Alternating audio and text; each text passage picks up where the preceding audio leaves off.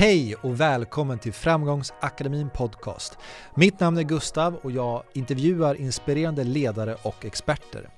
Problemet för många bolag idag är att man har svårt att få in utbildning och utveckling i ett redan pressat schema.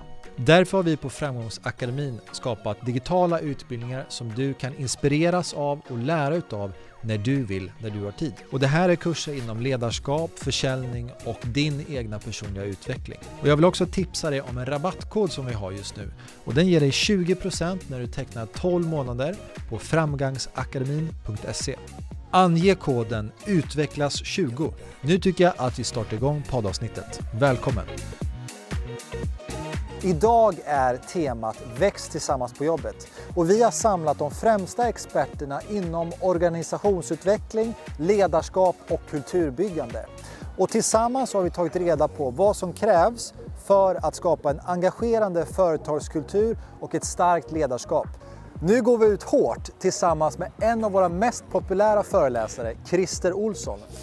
Och Christer han har skrivit flera ledarskapsböcker, bland annat Våga veckla ut dig. Och han pratar om det som inte utvecklas, det avvecklas. Varsågod. Vad betyder livslångt lärande för dig? Precis vad namnet säger. Det som är så härligt, det har ju blivit ett buzzword. Men jag skrev ju de facto en bok om det här långt innan det blev ett buzzword. Eh, jag säger ju helt enkelt, och boken heter Du lever så länge du lär. Eh, för det är verkligen så. Lärandet är en essentiell del av eh, vår tillvaro och är den näst viktigaste faktorn för lycka. Du lever så länge du lär. Det är livslångt. Det är inte konstigare än så. Mm. Och hur kan man jobba med det här i en organisation? Jag tänker om man är chef, lyssnar på det här. Hur ska man ta till sig det? För det är, det är ett buzzword, men, men, hur får man det konkret? Jag säger så här. Eh, lärandet, i skolan lär du dig att lära. I livet lär du dig det du använder och lever på i livet. Eh, när jag vaknar på morgonen så är min andra idé, vad ska jag få lära mig idag? Vid 6-7 tiden varje dag sätter jag mig ner och reflekterar och funderar, vad har jag lärt mig idag? Det är det livslånga lärandet. Att lära av och med varandra, med verkligheten som pedagogiskt verktyg i vardagen. Det är inte att jag ska gå på kurs hela livet. Det är inte att jag behöver liksom eh, vara inskriven på universitetet utan jag är inskriven i livets universitet varje dag. Det är det livslånga lärandet. Och hur tror du att företag kan jobba med det här? Ja, genom att plocka upp det jag just sa. Mm. I arbetsmöten, alltid ställa sig frågan, vad lärde vi av det här? Eh, att förstå att den här föränderliga världen, eller agila som det nu heter på svenska, bygger på att vara prövande, lärande och därigenom levande. En organisation som inte är prövande och lärande är inte levande och kommer inte att attrahera framtidens professionella yrkesmänniskor. Mm. På tal om det, hur attraherar man de bästa? För det är en stor utmaning idag med, med just kompetens. Hur, hur får jag de bästa? Och hur får jag dem att stanna? Ja, eh, väldigt, väldigt bra fråga. Eh, idag handlar ledarskap otroligt mycket om att identifiera och utveckla potential. Så vad det handlar om är att attrahera eh, de lämpligaste människorna. Sen ge dem möjlighet, utmaningar och resurser att få utvecklas i en psykologiskt trygg miljö. Att vara prövande, lärande och levande, det vi pratar om. När människor attraheras till vår organisation genom att de upplever att det här är en organisation där jag kan frigöra min potential. Eh, här kan jag bli all I can be. Och när människor tror och förstår det, då kommer de att vilja jobba hos dig och då kommer de att välja att stanna. Det är inget du behöver få dem att göra. Så länge de känner, jag pratar ju väldigt mycket om att allt som inte utvecklas avvecklas. Så länge de känner att de utvecklas kommer de att stanna. Så det är det enda du behöver bekymra dig om. Det är just det här lärandet som en viktig komponent av livet. Det är ingen metodik på jobbet. Det är livet. Eh, du pratar mycket om ledarskap och du pratar också om EQI, eller hur? Ja. ja vad är EQI hos en ledare? Ja, Jag har ju en formel där jag pratar om eh, IQ, alltså vår, vår så, teoretiska eh, förmåga, vår faktiska kunskap, vår yrkeskunskap, programmeringskunskap, vår eh, språkliga kunskap, vår tekniska kunskap eller marketingkunskap, vad det nu vara månde. Eh, det är den ena delen av det hela. Det andra är min så, så emotionella dimension, min socialiseringsförmåga både in, introvert och extrovert. Det finns en gammal jättehärlig definition på vad EQ är, Emotional Quota Index. Mm, mm. Eh, och det är att jag känner att jag känner. Jag förstår själv varför jag känner det jag känner. Och jag kan själv avgöra om känslan ska övergå i handling. Det, det, det är definitionen på en emotionellt begåvad person. Och om vi pratar om oss med normalstörningar, som man säger underbart i Glada Hudik. Eh, vi som kan hantera våra tankar och känslor. Sen finns det människor som, som inte kan det och det har jag respekt för. Men för alla oss normalstörda så kan vi hantera det faktiskt. Och, och det är det det handlar om. Eh, alltså min förmåga att socialisera, min förmåga att hantera mina egna känslor och förstå att de kommer av tankar och tankar är tankar. Eh, och känslor genereras mycket av tankar. Mm. Så någon form av självinsikt hos ja, ledaren? tack. Mm. Eh, det var mycket, mycket Förkortat. Ja, väldigt bra. Jag gillar ju förkortningarnas förkortningar. Tack! Ja, Men vad tror du att ledarna gör och fastnar i nu? N när du coachar ja. Eh, de liksom allra främsta, vad, vad är det de, de, de fastnar i då? Ja, det är att eh, attrahera potential. Attrahera, identifiera och attrahera potential. Samtidigt, om vi talar om idag-dag, så är det faktiskt den största utmaningen för ledarna att å ena sidan ge framtidshopp och positivitet. Samtidigt ska vi skapa krisinsikt mm. och probleminsikt kring eh, ett nu. Eh, och det, det är en, en paradox där ledaren behöver klara båda delarna väldigt mycket framtidshopp och krisinsikt. Och det är många som inte har gjort det faktiskt. De har inte varit med om kriser. De vet inte hur de ska göra. De vet inte hur de ska hantera liksom, det här eh, paradoxen med att både vara optimistisk men också eh, skapa krisinsikt och medvetenhet om kostnadsåterhållsamhet med mera. Mm. Du pratar ju om sedd, bekräftad, behövd ja. i den ordningen. Vad har du sett för resultat när du börjar prata om det här? Hos företag. För på något sätt är det ju, det är lönsamhet vi pratar om i slutet. Ja. Och någon kan tycka, vad är det för flum-flum? Eh, ja. Vill du definiera det?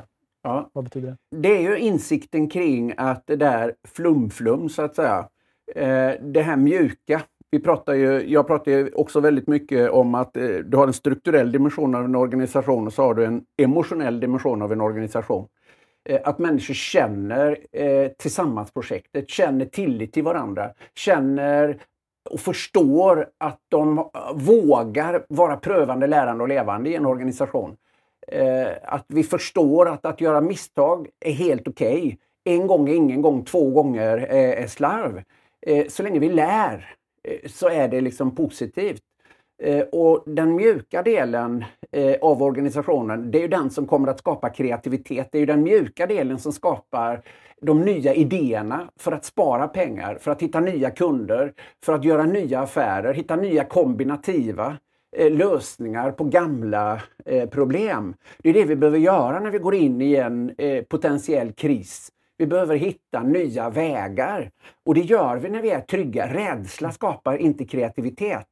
Utan rädsla är motsatsen till kreativitet. Rädsla skapar passivitet. Så att den moderna chefen skapar eh, trygghet som genererar innovation och kreativitet. Och det är mjuka delar. Mm. Och Du brukar säga brist på information leder till spekulation. Ja. Har du något exempel från en ja, företag? Ja, för då kommer du till det som är min hjärtefråga för närvarande. Mm. Och det är att ledaren vågar vara sårbar och transparent. Eh, vi köper inte populism. Vi köper inte att bli påsålda en, ett bolags liksom inre liv som sen inte visar sig vara sant. Det blir backlash på det och det sprider sig snabbt idag, i dagens sociala medier. Utan vi måste våga vara sårbara och transparenta. Eh, ju mer vi vågar det, eh, desto bättre kommer vi att attrahera människor på sant, att vara äkta, att vara sanna, trovärdiga. Människor gillar att få vara med på utmaningar, eh, men det handlar om att vi vågar vara trovärdiga och sanna. Varför är det då viktigt som medarbetare att känna sig sedd, bekräftad och behövd? Det är ett väldigt enkelt svar. Det är existentiellt. När man forskar på lycka så är den viktigaste faktorn för att känna lycka, det är behovet att vara behövd. Och när en människa känner sig sedd, bekräftad och behövd, eh, då mår hon helt enkelt väldigt bra. Hon är trygg. I 10 000 generationer så var det trygghet. Ensam är inte stark. Ensam är död ute på slätten utanför för grottan. Utan det var tillsammans vi eh, överlevde. Och när jag var sedd, bekräftad och behövd i flocken, det var en existentiell fråga, det var en överlevnadsfråga. Eh, så när jag saknar det, eh, då uppstår en tomhet i mig. Jag blir orolig, jag blir rädd och nervös. Därför är det en oerhört viktig faktor. Jag höll ju i ett sammanhang en stor föreläsning. Jag sa nu ska ni få ert livs kortaste, effektivaste och mest substantiella ledarutbildning. Det enda ni behöver göra är att gå hem, se till att era medansvariga har tydliga mål, har ett tydligt varför och känner sig sedda, bekräftade och behövda. Så, nu kan ni gå hem. Om din partner känner sig sedd, bekräftad och behövd, check. Om dina barn känner sig sedda, bekräftade och behövda, check. Om dina medansvariga känner sig sedda, bekräftade och behövda, check. Om dina kunder känner sig sedda, bekräftade och behövda. Det är så existentiellt. Det är, håll bara koll på det, så löser du det mesta andra. Och vad händer om man inte gör det då? Ja, det kommer, du kommer att få eh, jätteproblem som är, många gånger är oförklarliga. Mm. För det är ju inte så att människor går omkring och tänker på att nu känner jag mig inte sedd, bekräftad och behövd. I liksom, som någon ordlek. Utan det är ju bara att man känner att nej, det, det, spelar ingen roll om jag är här eller inte. Och jag är uppenbart inte viktig för de hejar knappt på mig på morgonen. Chefen går bara förbi mitt rum, ser mig inte, hör mig inte, bekräftar mig inte. Mm. Eh, jag är inte viktig. Och vi människor vill känna oss just som vi sa. Så att det, det, och folk kommer att sluta. Mm. Människor som inte känner sig sedda, bekräftade och behövda i en värld där kunskap är en bristvara, de slutar. Så det är ganska korkat, det är dyrt. Mm. Om man vänder på det och tänker att man är medarbetare eller medansvarig som du säger. Ja. Och sen så känner man att ja, men, chefen har inte alls det här tankesättet. Nej. Ska man eh, dra en kampanj då för att försöka ändra organisationen eller sitt team? Eller ska man bara lämna? E-, eller vad, vad har du sett där? Jag, jag, är ju, jag är ju av den uppfattningen att, att vi är medansvariga. Mm.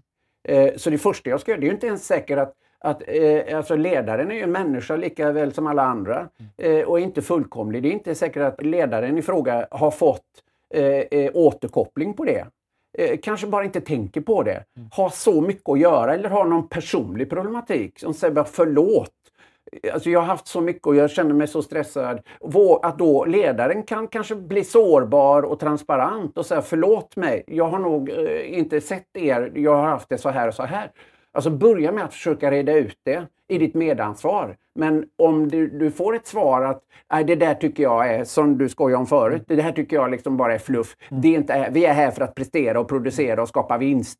Eh, vi är inte här för att kramas och lulla. Ah, dra fort, mm. är mitt råd då. Mm. Men fattar vi liksom att det finns ingen motsättning mellan att må och prestera bra, utan det är tvärtom så att när jag mår bra och presterar bra, då summeras det liksom i, en, i en god ledares resultat. Mm. Därför är ledarens viktigaste uppgift att hjälpa människor att må och prestera bättre varje dag i nämnd ordning. Mm. Vad tycker du om situationsbaserat ledarskap? Jag tycker väldigt mycket om situationsbaserat ledarskap. Det är ju från början en teori i, i, i, en grupputvecklingsteori med gruppens situation och utvecklingsnivå, styra, stödja, delegera. Men för mig har jag vidgat begreppet. Det handlar om i vilken situation individen och gruppen befinner sig. Kierkegaard. Möt en människa där människan befinner sig och led henne därifrån i den takt hon själv förmår. Det är situationsanpassat ledarskap för mig och det är helt nödvändigt där situationen är dagen och just situationen. Det är inte den teoretiska definitionen, det vet jag. Men det är så jag använder den och det är helt nödvändigt i ett ledarskap. Möt människan, se individen och inte gruppen. Det är det situationsanpassade ledarskapet. Mm. Tack för att du kom hit. Ja, tack så hemskt mycket för att jag fick komma. Tack.